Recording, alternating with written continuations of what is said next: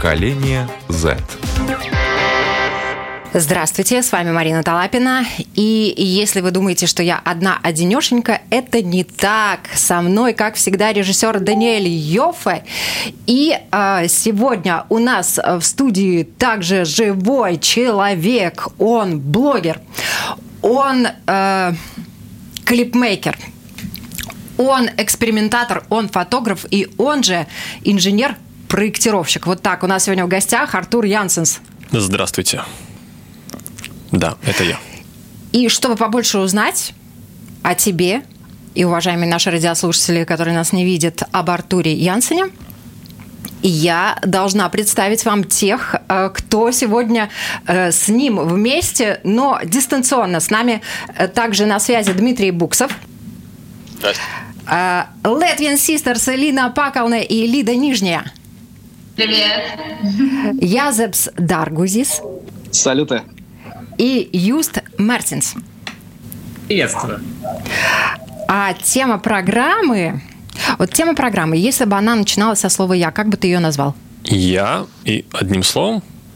Ну, Можно и у меня есть такая четкая самоидентификация. Я живорожденный человек по имени Артур, являющийся бенефициаром фи- физического лица Артурс Янсенс.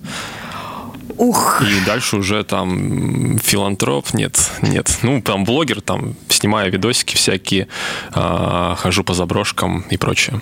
Вот именно так, уважаемые радиослушатели и зрители, называется наша программа. Я, к сожалению, этого не повторю, но если что, вы можете увидеть название в титре.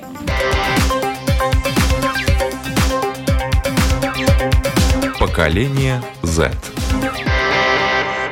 Твое э, первое видео, твой блог, постигая плен, вот как это произошло, с чего это все началось?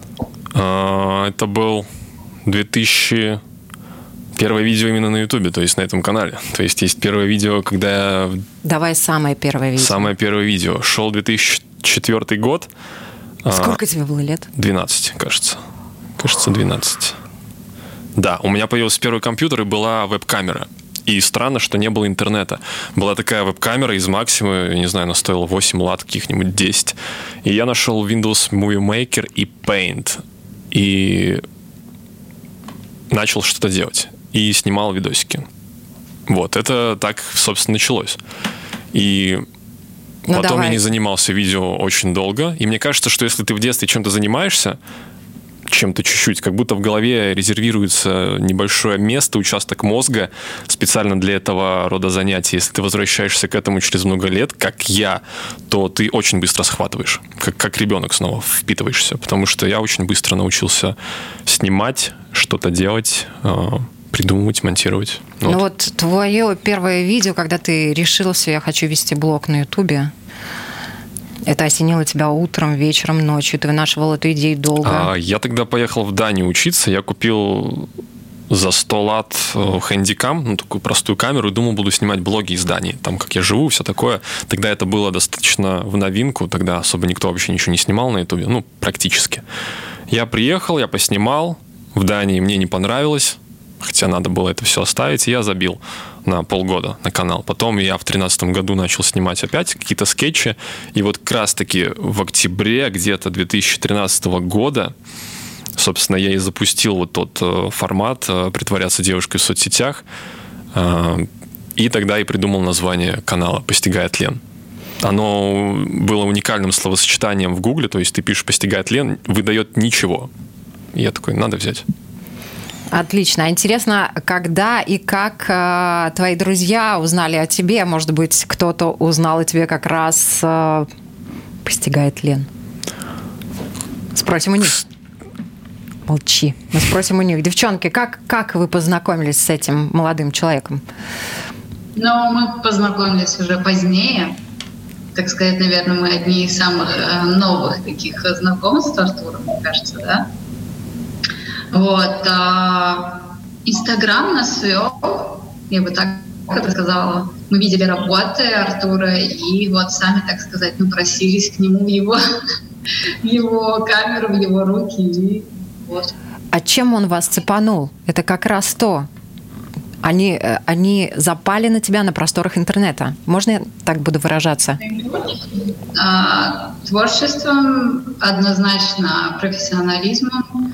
Это очень хочется сначала как-то мы такой даже сказать, а, с и боязнью, а, с каким-то таким большим-большим уважением. Думали, ну нет, ну ему там с нами, наверное, будет неинтересно.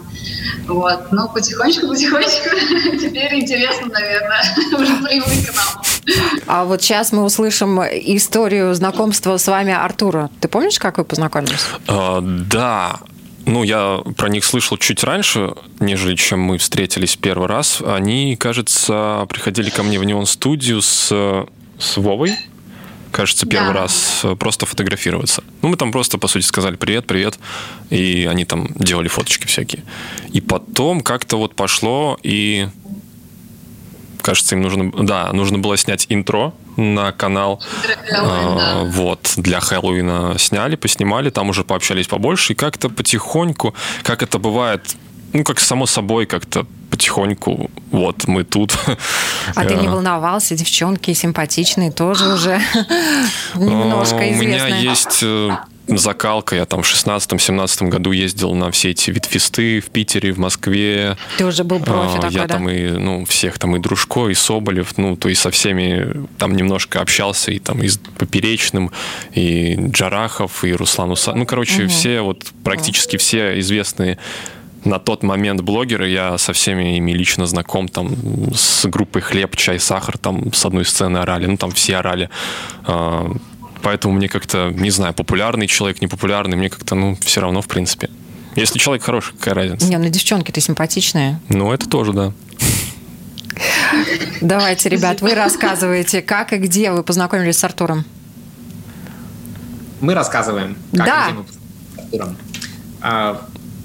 Да, в работе мы познакомились. Э, на какие-то из съемок нужна была операторская помощь. Как-то, ну, Рига небольшой город. Э, я пригласил Артура, так и сдружились. Постепенно как-то с работы все больше и больше было. Потом ее стало очень много. Такая неинтересная короткая история, но вот э, именно так все и было. Да. Это правда. Да, Язовс. А, можно сказать, что нас объединил хип-хоп, объединил рэп. Артур тоже занимался хип-хопом и рэпом. Может быть, это и сподвигло его помочь мне э, начать и э, создание проекта Panda Battle. И вот Артур был одним из э, людей, которые стояли у истоков этого проекта. Но вот изначально я его пригласил э, просто пообщаться и, возможно, проспонсировать нас. Э, он тогда занимался своим магазином Zilla Shop, вот, э, вел тогда его. И как-то произошло так, что мы начали ежедневно общаться на фоне панда батла. И вот так сдружились. Да, ходили все время кушать в столовку какую-нибудь. Ну, поначалу кебабы были, больше кебабов было. Да, да. Дмитрий. Да, точно был 15-й год, по-моему. Да, это был 15-й. Да, 2015 год, когда начиналась только движуха, ходили по заброшенным объектам, вот, собрались в одни туннели идти, и ребята говорят, с нами будет Артур Янсен. Что такое Артур Янсен? Э, ну, постиг, постигает Лен. Кто такой постигает Лен? Ну, чувак, типа, притворяется девушкой. Что? Ну и вот мы ходим по туннелям, такие довольно низкие, там метр семьдесят, наверное, то есть мне по макушку. Вот. Идет человек, прям согнувшись лопатками, шоркает по потолку и такой, привет, я Артур, а теперь замри, я тебя сфоткаю. Ну и как-то так пошло. То есть раз сфоткал, два сфоткал, везде на всякие объекты рвался и, и поддерживал плоские шуточки. И так и дофоткались, да? Да, да, собственно так. Хорошо, вот вопрос всем. И тебе, конечно, тоже, ты уже блогер со стажем и с многолетним опытом. Вы уже все тоже знаете, что такое блог далеко, не понаслышке. Вот, э, к сожалению, во всех социальных сетях сейчас огромное количество мусора. И вот есть какие-то плюсы у этого трэш world? У того, что куча мусора? Да, в социальных сетях. Да нет никакого плюса, одни минусы. Ты скипуешь ленту тысячу раз, э, внимание расфокусируется, а, клиповое мышление, ты э, там, ну, имеет долгосрочные плохие последствия для работы мозга, головы, для даже контента. То есть контент, если раньше ты мог посмотреть видео там час, сейчас 5 минут это уже долго. ТикТок вот сейчас э, набирает популярность там видео по 15 секунд, по 5 секунд есть. И ты можешь сразу скипнуть там просто так фью, вниз, там 100 видео за час посмотреть. 200, 300, может быть, я не знаю. Но это не круто, по идее. Слишком быстро меняется человеческий мозг, он тормозит немного, он не мультизадачен. И даже если вам кажется, что вы справляетесь, а мне так тоже кажется иногда, но на самом деле это такая непосильная ноша. Кто-нибудь видит в этом плюсы из вас, уважаемые собеседники? Ну, мусора всегда вообще было много в СМИ, а, так или иначе. Э, тут ничего нового, просто что, да, у нас еще мозг не адаптирован под такое количество информации. Это самое, сейчас самое большое количество раздражителей на мозг человека вообще за все человечество за весь период времени. А, ну, надо бороться, фильтровать, что мы Но... читаем, что мы слушаем. А вот вопрос, бороться, фильтровать, э, вообще, что с этим можно сделать? И действительно ли надо делать? Может, пускай мозг адаптируется? Но если мозг как мусорная яма, и туда все подряд запитывать, то, ну, не знаю, кому-то, наверное, можно, но лучше, наверное, немножко, чуть-чуть хотя бы следить э, за тем, что ты слушаешь, там, кого и так далее. Но многие же говорили, что наш мозг задействован только там на 8, у гениев на 10-11%, может, 90% как раз для этого и ждали только этого. Девчонки, что вы думаете по поводу трэша в социальных сетях? Я думаю, что процент э, мозговой деятельности не подключается, лишь никакой не развивается, а как раз вот те 8-10, которые работают, э, они нарушаются из-за этого всего. И я думаю, что мы, наверное, правильно все говорили, что нужно фильтровать, но очень много мы говорим, что нужно, и мы этого не всегда делаем, конечно же, и проходит действительно очень много информации через нас, но, возможно, а, раньше у людей было время это все обдумывать и через себя как бы это пропускать, а теперь его просто нет. И мы видим, допустим, какую-то там грустную картинку, и мы со спокойным сердцем проматываем ее, потому что это может быть или какие-то аферисты, или этого слишком много. А раньше, каких-нибудь 10 лет назад, мы бы зацепились бы, подумали, обсудили, может быть, это развили бы тему. Сейчас мы просто, просто читаем заголовки, грубо говоря. А как вы это фильтруете или как, может быть, э, это можно фильтровать? Какие идеи? Я могу поделиться э, опытом я как-то две недели от интернета отказался, уехал в путешествие. Да. И, короче, эффект наступил на пятый день, наверное, где-то. А, если представить, что в голове все время какой-то эфир, короче, эфир был чистый, просто не засоренный. То есть мы там часто, не знаю, видим, я почему-то знаю, что у меня там, не знаю, подруга, что она сегодня ела, хотя я ее там не видел там уже два месяца, что она там в душе помылась, или, ну, вот какие-то такие вещи. А, а, да, две недели, короче, без интернета ты короче, у тебя голова чистая, ты знаешь, когда ты хочешь покушать, что ты конкретно сейчас хочешь делать, тебя вообще ничего не давит, ну, не отвлекает. То есть Но это хорошо... такой э, релакс, да, это такой релакс, очищение, детокс, да. да а детокс, вот если, это... если э, ты вынужден работать да, в этом всем, ты ищешь информацию и так далее, как тебе фильтровать, когда ты в этом потоке? Ну, сфокусироваться на чем-то, может, одном, что самое важное, наверное вариант, я не знаю, у каждого свой. Давайте, ребят, у каждого свой. Артур в том числе, держи свой вариант, расскажешь. Язоб, давай. Ну, Или... так, я вот хотел, я хотел вот э, поддержать насчет детокса, потому что это действительно есть такой термин информационный детокс, и вот это сейчас популяризируется в тех же самых сериалах и фильмах, показывается то, насколько это важная тема.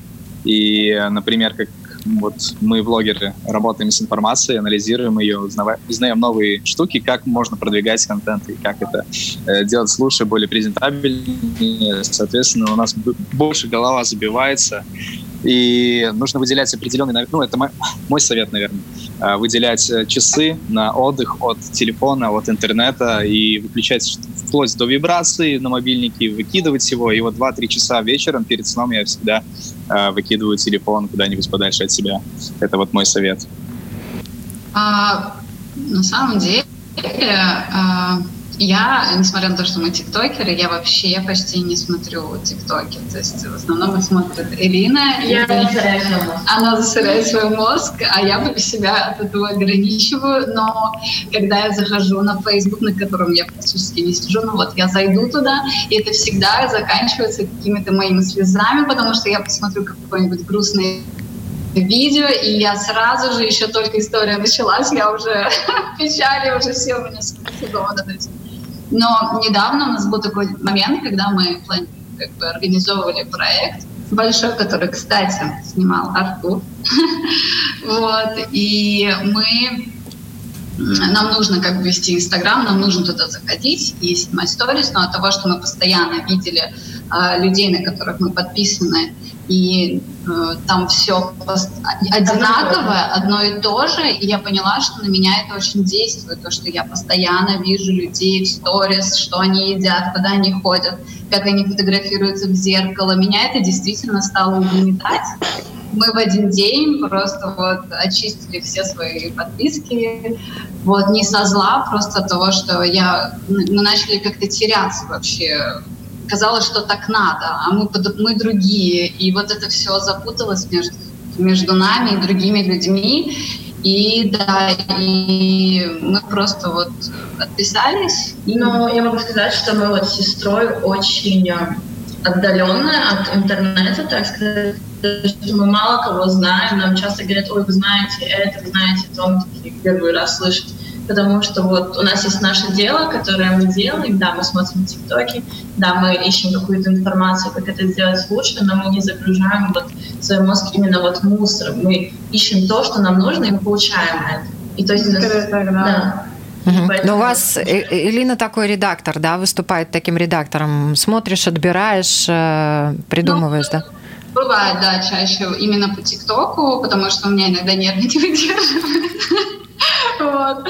И, э, Но это а я... сейчас такой тренд. Я, так, хорошо, что мы можем снять? То есть, и потом уже... Но это вариант, это тоже формула, да, как, как фильтровать. Заведи себе редактора, Илиночку, да. и все. Потому что потом ты теряешься, даже когда я смотрю много видео, есть какие-то тренды, тебе надо за ними успеть и ты смотришь один, второй, и ты такой, да ну, я вообще не хочу это снимать. А когда она приходит и мне показывает, и мы думаем, как это можно сделать по-другому, или вообще в итоге другое снимаем, вот мне так легче. Дима. Как избавиться от информационного мусора? Да. Как, как, как проходить через него, не дотрагиваясь не щелкая Но случайно. Если, если провести аналогию с самым обычным мусором, то вы, наверное, не совсем того человека выбрали, чтобы спросить. Э, Но вообще а что у тебя там такое? Смотреть. А что у тебя там? Там много полезных вещей я вижу. Там даже я вижу противогаз, да. Мусор. Это все мусор для многих людей. А, от информационного мусора ну, не смотреть на него. Типа, в чем проблема? Не подписываться на человека, который публикует Засоряет мусор. эфир, да? Условно. Не, не, не кликай на видеоролики, и тогда у тебя просто соцсети не будут показывать такие же самые ролики. У меня даже есть друзья, которые меня заблокированы на Фейсбуке, просто потому что они репостят мусор там, по 20 раз в день. Это, это даже не просто какие-то знакомые, это люди, с которыми я дружу по 20 лет. И нафиг в блокировку на Фейсбуке, просто потому что чувак репостит шляпу. Ну, не надо смотреть на мусор как бы соцсети, соцсети сейчас устроены, то есть ты реагируешь на что-то, даже не обязательно кликать, лайкать, нажать просмотреть. Если ты задерживаешь свой взгляд на, э, каком, на какой-то публикации, по крайней мере, на Фейсбуке так работает, э, Facebook уже считает, что тебе это нравится. И у тебя начинает всплывать все больше и больше такой информации. Соответственно, если ты не задерживаешь внимание, если ты отписываешься, блокируешь э, всякую такую шелуху. Вот я, например, Delphi заблокировал, вообще не вижу их публикаций. Sputnik News у меня заблокирован на Фейсбуке. А, то меня этот мусор, в принципе, не трогает. Артур, какой ты рецепт используешь для фильтрации мусора? Все выше перечислено. Я смотрю только то, что мне нужно, пытаясь не смотреть то, что мне не нужно, даже если это заманчиво написано. У тебя сила воли такая, да? Да нет, просто нет времени. Ну, то есть, если я начну смотреть еще это, это будет ужасно. Ну, это на самом деле здорово. Вы умеете уже вот этот тайм-менеджмент в какой-то степени, да? А, это смотрю, потому что мне это надо. Тайм-менеджмент у меня очень хромает. Очень хромает. Но есть подвижки хорошие с каждым месяцем, наверное. Хорошо, продолжим. Сколько ты времени проводишь в интернете? Если я дома, значит, я в интернете. Если я на съемках, я могу пару дней не быть в интернете. Ну, это там минут 20, не знаю, там зайти в Телеграм, там что-то проверить, кто-то написал, нет. А, может быть, сторис выставит, что вот я живой, у меня съемки. Я а, думаю, у всех, наверное, так, плюс-минус, да? Да. Хорошо. А чем вы там питаетесь? Только полезным или все-таки бесполезное тоже иногда используете? Как это фастфуд интернетный? Ну, я смотрю что-то про видеосъемку, про креативность, про написание сценариев. Это если в последнее время э, иногда что-то про политику, про геополитические ситуации в мире. Сейчас часто экономику, фин, финансовые технологии начал изучать э, очень сильно. Там финтех всякий. Это если из последнего. Угу. Ребята, а вы? Скажи, как есть, Яша.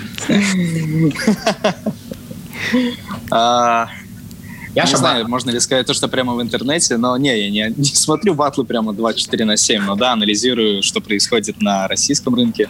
А так, в целом, по большему счету, когда именно сезон панды был, сейчас немножко отличается тем, что у меня не так активно с пандой действия идут ну, типа с батл рэпом в Латвии, а до этого это 80% времени переписки в интернете. Переписки, созвоны в интернете, через мессенджеры, потому что люди интересуются, спрашивают, и как, чего, как, куда попасть, даже если всю информацию покажешь э, в социальных сетях, выставишь это в шапке, самое, вот, самое видное место, э, все равно информацию будут звонить, спрашивать, писать, но, спрашивать, но, но это, это, это работа, а для себя? Да. А для а, себя? Сложно сказать. Ну, наверное, видео на Ютубе. Э, люблю смотреть рецепты. Люблю смотреть рецепты на Ютубе, как готовить оладушки. А потом готовишь или только смотришь? Конечно, конечно, конечно. По профессии кок. Вау, класс. Да. Как, как раскрываются твои друзья. Да, фирменный да? шашлык, там Яшин есть еще. Да. Да. Ага. Потом, я так пред, да. предполагаю, что будет ресторан, в который можно будет прийти. Не в данных условиях. Ну, не факт, не факт, да. Э, увы. Не будем загадывать, да? Живем сегодняшним днем. Э, ребят, давайте э, по работе, ладно, шут с ним. Понятно, что все по работе сейчас там уже в интернете сидят. А для себя чем в интернете дышите? Ну, в 9 утра чисто полистать ленту на Фейсбуке, просто, просто чтобы проснуться, и мозг хоть немножко начал работать просто глядя на что-то, даже не всматриваясь в публикации. Ну, не знаю, можно ли назвать работой. Ну, часов в 11 утра зайти и слить контент, и вечером зайти и посмотреть на лайки, которые пришли на контент. Просто посмотреть, пропитаться и быть довольным идти спать. Все остальное время телефон берется только для звонков и окей, мессенджеров, если это можно назвать соцсетями. Юст. Я в Инстаграме смотрю, что делают мои друзья. Возможно, э, я могу с ними встретиться в какой-то из моментов, если у нас как-то точки соприкосновения появляются. Не знаю, рандомно. Ну, вот реально в Инстаграм люблю залипнуть, просто посмотреть, чем занимаются ребята. Э, на ютубчике, не знаю, немного смотрю. Я смотрю, что было дальше, вот шоу. Э, выходит выпуск, если мне интересен персонаж. Я, короче, могу посмотреть, просто посмеяться. Реально, вот даже сейчас не YouTube так много не смотрю. Э, музыкальные клипы какие-то могу посмотреть, ну, это если для себя. Ну, какой-нибудь образовательный контент. Интервью какие-нибудь, иногда по психологии что Короче, немного. Я такой не супер, не супер много положу в Инстаграме. Я люблю с, с людьми знакомиться, вообще смотреть, кто чем занимается, э, общаться. Там сторис выложил, тебе там человек пять ответило, что-то вы там как-то законнектились, созвонились. Через пару дней уже там встретились, что-то делаете. Ну, короче. Э, а, да, да, это а, почти тоже работа, на самом деле. А вот э, книги вы читаете? Да. Да? Какая последняя? Какая последняя? Сейчас, Бонни номер пять, наверное. Но это предпоследняя. Я последняя, на самом деле, не помню, что открывал, потому что это было месяц назад. Сейчас у меня идет сессия. О. РТУ. Да. И разве, раз, разве что инженерские книги могу сейчас посоветовать по физике, по математике. А так, да, для себя я читал последний раз месяц назад. Но вот «Ведьмак» это из последних было первое. Последнее желание, первая книга. И да, Бонни номер пять. Ну, я так что понимаю, что, что, что перед нами почти э, свежеиспеченный инженер? Ну, можно так сказать, еще год остался учиться, но IT, IT-инженер. Э, угу. Ну, классно. Все, ладно, не буду мучить вас с книгами. И очень хочется у Артура узнать, ты клипмейкер? Да. Э, рассказывай, как ты до этого докатился. Не знаю, я начал снимать видосики на YouTube. А, иногда с ним, ну, я люблю музыку. У тебя слушать. интересная история, ты с очень крутыми людьми познакомился и клипы снимал, в принципе, с ними, да? Для Евровидения. Да, я, да, это как я как только вернулся с Дании в 2015 году, я начал работать в ЗИС хорошо, и там у нас был как общий корпоратив на Лига, где был один человек, который тогда как раз снимал клипы для Евровидения, там разных крутых других людей, а, Анджей Гавриш. А, я такой, о, круто, ты снимаешь, ничего себе, обалденно, слушай, если что, зови мне очень интересно. Я не думал, что меня позовут, и меня позвали уже там через неделю буквально. Там я нажимал, просто музыку с айфона ставил. И дым машины там управлял. И потом уже, да, клип для Евровидения Юс Сирма из 2016 год. И там был как runner, помощник бэкстейдж. Берман Dive Stories тут, тут там я тоже, в принципе, был как э, полупомощник туда-сюда, бэкстейдж там что-то по свету может там поддержать, ну такое. И можно, ну, можно было просто посмотреть, как это работает со стороны уже в более-менее крупных проектах, что тоже дало большой boost к моему опыту. Вот, и, ну и дальше как-то сам подумал, давай-ка попробую что-то снять. Музыку я люблю, разную, слушаю, много чего. И рэп раньше читал, поэтому как-то, может быть, чувство ритма какое-то есть, и оно как-то передается на картинку. То есть динамика там своя какая-то, ощущение там движения камеры. Там, если так немножко двинулось, не так, я подрезаю, следующий кадр вставляю, чтобы это по какой-то странной динамике выглядело. То есть я не читал, к сожалению, всяких книг по монтажу и прочему. Я просто как-то смотрю и, и делаю. Угу. Ориентируясь на свое внутреннее чутье, да? Да. Ну, о, ты также себя попробовал в разных э, ролях? Прочувствовал да, в принципе, персонажа? практически со всех сторон. Как оператор, как э, световик, как э, звуковик. Тоже был э, в короткометражный фильм да, да, да. Блин, забыл, как называется. Про мальчика, фехтовальщика. Там у них было что-то. Там был один день бумщиком. Звук записывал. А, и актером я был уже, ну, в клипах там и. А, немецкой группы Энис Окей, или как она так называется, тоже. И бегал там, и прыгал, и лежал на земле. Короче, всякое бывало. Как вам работает с, с Артуром? Легко, фантастично, креативно, весело, с задором, энергично. Э, легко, я бы сказал. Вот, вот. Он, он за вас всю работу делает, да? Я, я бы сказал мощно. Я бы сказал мощно. Мощно. Мы с, да, мы с Артуром э, столько всяких штук переделали, что просто не, не, не придумать. Это ноутбук сможет подтвердить, когда мы и сцену делали из палетов, сами колотили. И Артур вообще очень-очень-очень, труду, я бы сказал, трудолюбивый и э, как-то самопожертвующий человек. Он, помню, после каждого мероприятия отвозил гигантские, гигантские э, колонки э, с, нашего, да, да, да, с, нашего, с нашего концертного зала вплоть обратно, где мы снимали э, эту аппаратуру. И это физически была очень тяжелая работа. Артур даже ни разу не повел глазом и ни разу не пожаловался. Вот, так что поэтому скажу мощно. Вот так. Девчонки.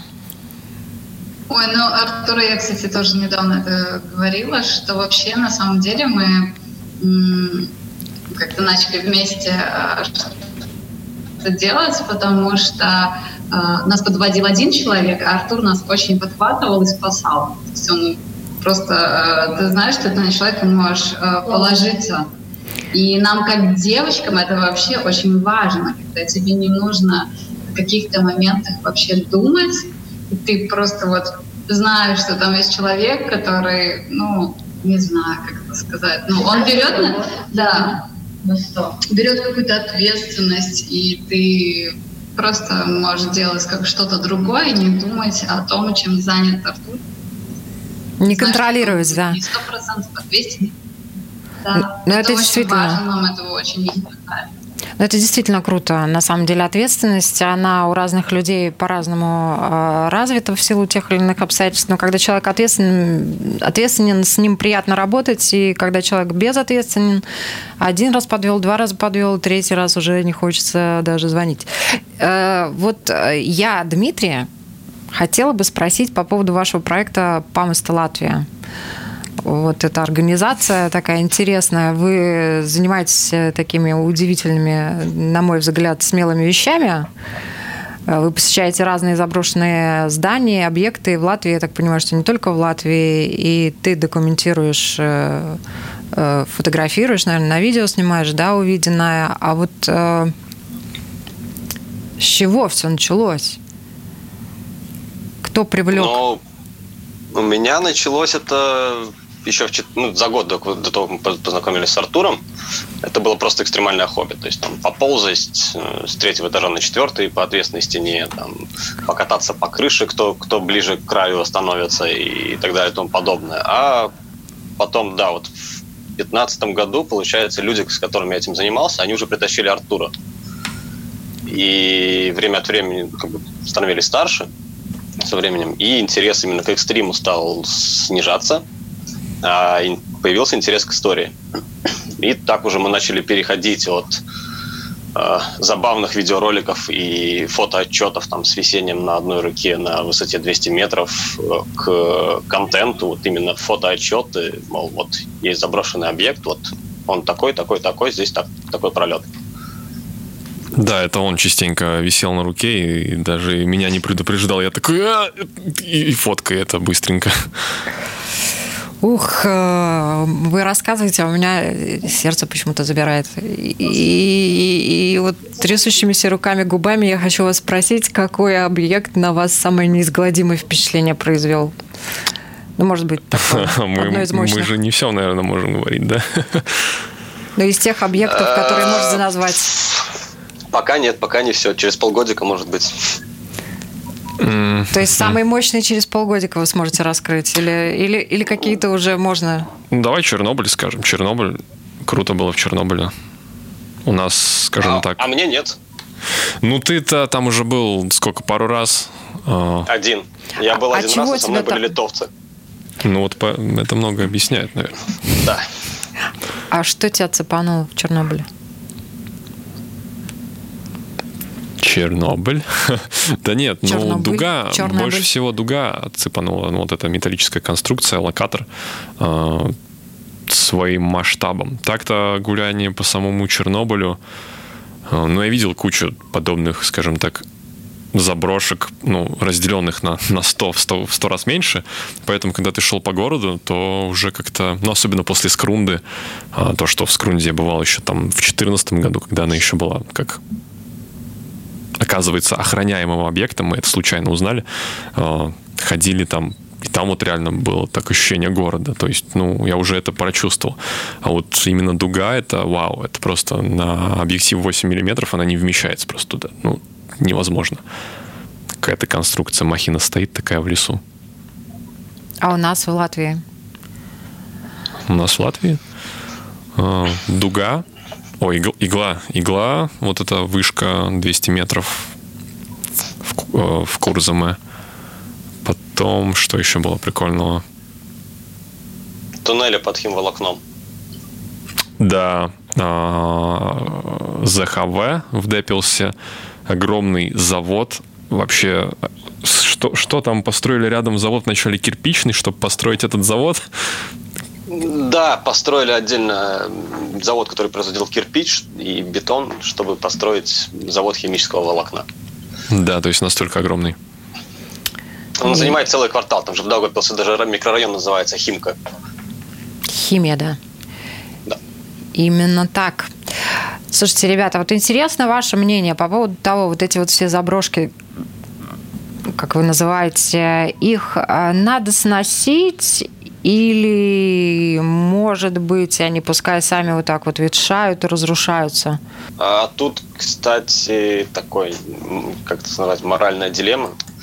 То есть с точки зрения человека, который исследует заброшенные объекты, я бы хотел, чтобы они оставались нетронутыми и постепенно сами рушились. Там сначала облеплялась краска, потом зарастала плесенью, мхом, деревьями. А со стороны человека с экономическим образованием, я думаю, что их нужно реновировать и как-то интегрировать в жизнь городов. Ну, если это находится где-то в колхозе, ну, наверное, сносить. Кроме военного достояния, которое у нас очень, э, как это сказать, очень быстро начали сносить после возвращения независимости. Э, например, в той же самой Литве ракетные шахты сделали музеем. У нас просто снесли ракетные шахты и закопали. У меня к вам э, следующий вопрос. Вот я начинала свою жизнь. У, у нас в детстве как-то все было так э, по поводу будущего э, понятно, ясно и стабильно, да, и казалось, что вот я закончу школу, потом поступлю в университет, закончу университет, у меня будет работа, возможно, меня туда направят по распределению, я буду работать по специальности, которую я освоила и изучила в институте или университете. Сейчас вот мне интересно, а, что вы думаете, как вы видите свое будущее, как молодежь представляет свое будущее, да? Кто начнет? А мне, знаете, кажется, что вот э, относится фраза «меньше знаешь, лучше спишь» как раз э, к времени, которому было, допустим, там 40-50 лет назад, когда не было так много информации, не доносилось до людей. Сейчас мы все саморазвиваемся, у нас э, всякие духовные познания есть, и мы начинаем тут думать, что надо жить здесь сейчас, и поэтому нужно вот прямо сейчас двигаться. То есть мы, я просто, может, за себя говорю, и за свою семью, мы такие не расслабленные. То есть у нас нет такого, что я закончу институт, и у меня обязательно будет работа, и, и вот мы такие все живем. Нам хочется как будто бы вот от того, что мы знаем, как жизнь сейчас устроена, что мы хочется просто рвать и делать это сейчас. И вот, знаете, такое вот ощущение, ты как будто не наешься, тебе вот надо больше, надо больше, надо больше, потому что, да, ты знаешь, что ну, закончишь ты институт, ну, как бы и не факт. Уже кто-то, э, человек, который твой институт не заканчивал, но по твоей специальности уже э, ого-го, какой человек, и ты понимаешь, что не, ну, то есть нету вот этих вот порядков. И ты сам за себя. Каждый сам за себя. И у нас очень много, вот еще раз повторюсь, вот этой информации, такой, как это сказать, как мне мама все время говорит, «А, мы не знали этого. Мы не думали даже об этом, о том, что мы уже обсуждаем, о том, что уже дети в 15 лет думают о смысле своей жизни и знают такие вещи, о которых я в 15 только наверное, там заканчивала я очень долго играла. Поэтому другое поколение, мне кажется, мы все в каком-то вот движении, и, и тут же мы в неуверенности. Ну, мне очень понравилась фраза «каждый сам э, за себя», у каждого свое какое-то видение э, того, что он сам хочет делать. Сейчас просто возможности, ну, как бы безграничны. Ну, то есть, не знаю, 40-50 лет назад действительно, ну, что было, то было. Ты там, что ты, какие у тебя связи, там, не знаю, ты пару людей знаешь, вот, наверное, куда ты туда идешь. Сейчас ну, нет вообще ничего невозможного, ты можешь работать кем угодно, где угодно, все границы открыты, э, там, не знаю, все работы доступны, любой работе можно там обучиться за месяц-два самостоятельно дома, ну, короче, то есть можешь делать вообще что угодно, что хочешь. Вообще, тебе никто не запрещает, и э, мир очень быстро меняется, я вообще думаю, глупо немножко так на будущее прям все планировать. Это классно иметь какое-то видение, куда ты идешь, э, там кто-то там цели там на 10 лет вперед расписывает, и круто, то есть у него есть какой-то вектор, там они периодически меняются. Ну и вообще классно иметь осознанность того, что ты делаешь. Но будущее вот планировать, ну не знаю, я даже там не знаю, что там завтра будет. Мне там завтра или сегодня звонок какой-нибудь придет, но я могу бросить все планы и начать делать что-то другое. А, или э, не знаю, я могу там загадать, что хочу, но этого нет, например. Ну, не знаю. Короче, здесь сейчас и сам себе. Вот я полностью поддерживаю. Э, угу. Главное самому развиваться, не стоять на месте, потому что кто-то параллельно еще делает то, что ты делаешь, и э, надо быть активным, energy, энергии побольше выдавать, пока можешь. Дмитрий. Ну, текущий свой взгляд на будущее, я бы сказал, что всего в четыре буквы. YOLO. You only live once. То есть э, Я, наверное, сказал бы так. То есть мы с Артуром и люди, которые родились где-то в начале 90-х, это примерно такое очень странное поколение, то есть поколение между консерваторами, которые, у которых было там вот либо клуб э, авиастроительства, либо пионеры, либо там подпольная рок-группа, и между новыми поколениями, которые точно знают, что у них все, есть все возможности, все границы открыты, и что они могут быть тем, кем они хотят. А наше поколение было выращено консерваторами, то есть мы еще к окончанию наших, например, школ мы думали, вот есть раз хорошая профессия, два хорошая профессия, три хорошая профессия. И то есть ты либо уходишь э, с 9 класса в техникум, как я это сделал на профессию, либо с 12 класса в институт. И поголовно даже ходила фраза, что без института ты никогда не пойдешь на работу. Но при этом отработав, отработав большинство нас, из нас в определенной сфере, я, например, работаю в сфере своей деятельности уже 10 лет, то есть, в принципе, я другой работы не знал в жизни – Э, я только сейчас нахожу то, что мне на самом деле интересно, чем я могу зарабатывать и так далее. Э, у кого-то это было лет на 5-6 раньше. Вот, например, как Артур тоже. Он там в Дании отучился, приехал сюда и что делать? Здесь хорошо. Повезло. Ну вот, как так. Ну, твое видение будущего. А, ну, на наших территориях постсоветских предыдущий строй заставлял тебя жить а демократия разрешает умереть. То есть ты, по сути, можешь быть кем угодно, но ты, блин, не знаешь, кем ты хочешь быть, и что будет через год, вообще непонятно. То есть это еще влияет, ну, это... Тут можно диссертацию, наверное, писать. А, развитие технологий. То есть раньше там одна там один дом стоит, ты смотришь на него, он так и через 50 лет стоит. А сейчас там технологии развиваются быстрее, чем развивается э, поколение. И сейчас может быть, скоро придется объяснять людям, что раньше были письма, то есть ты как бы отправил письмо, оно не дошло сек- через секунду. Там ты скинул деньги на, на револют, они не, не пришли там, через секунду, их нужно было как-то отправлять там э, пару дней, неделями они могли идти там до Сахалина, до Сахалина кого-нибудь, и все такие, вау, ждали ответ. Сейчас этих писем миллиард ты получаешь за год. Ну и это совсем по-другому все меняет. То есть ну, рыночная экономика, хоть у нас и все-таки более-менее плановая экономика, все равно в мире, потому что там стоят всякие заводы, которые печатают машины, а машины потом стоят просто на стоянках, э, ржавеют, потому что, ну, спрос как бы типа должен быть, но его как бы нет.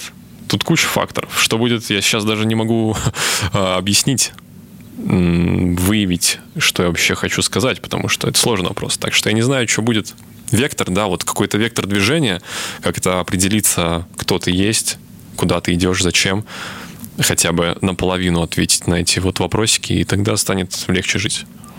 Вот что бы вы пожелали ребятам, которые хотят себя попробовать в чем-то, поэкспериментировать хотят, блогерами хотят стать, операторами? Да, просто, не знаю, истина лежит на пересечении кучи дисциплин, и поэтому пробуйте всякое разное.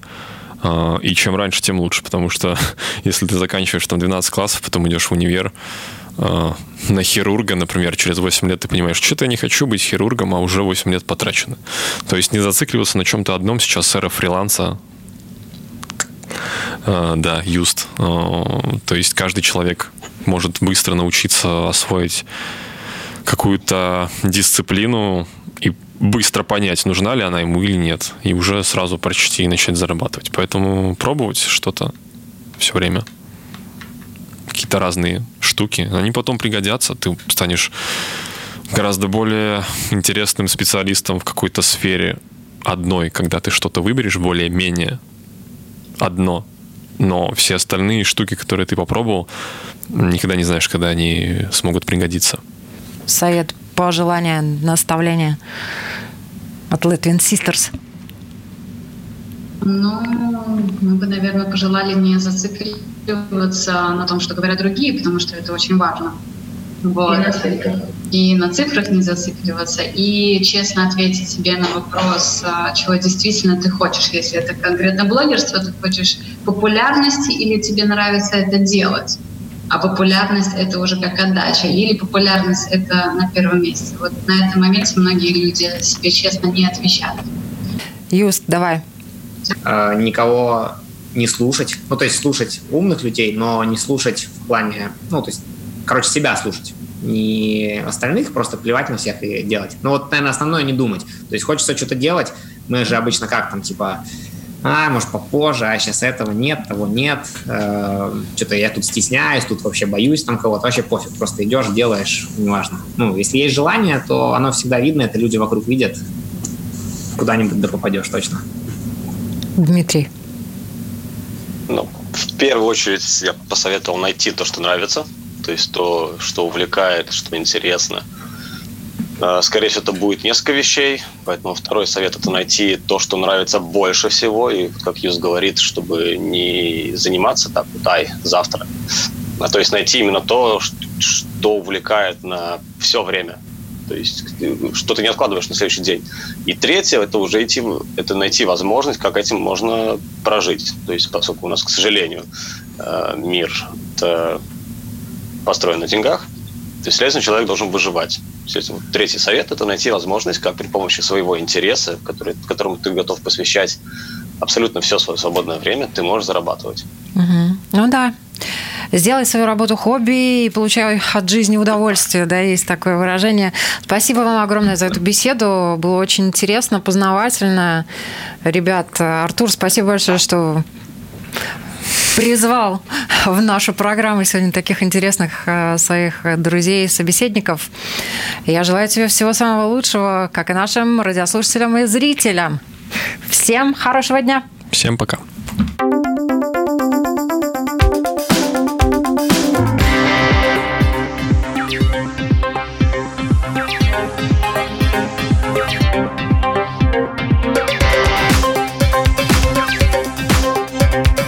Поколение Z.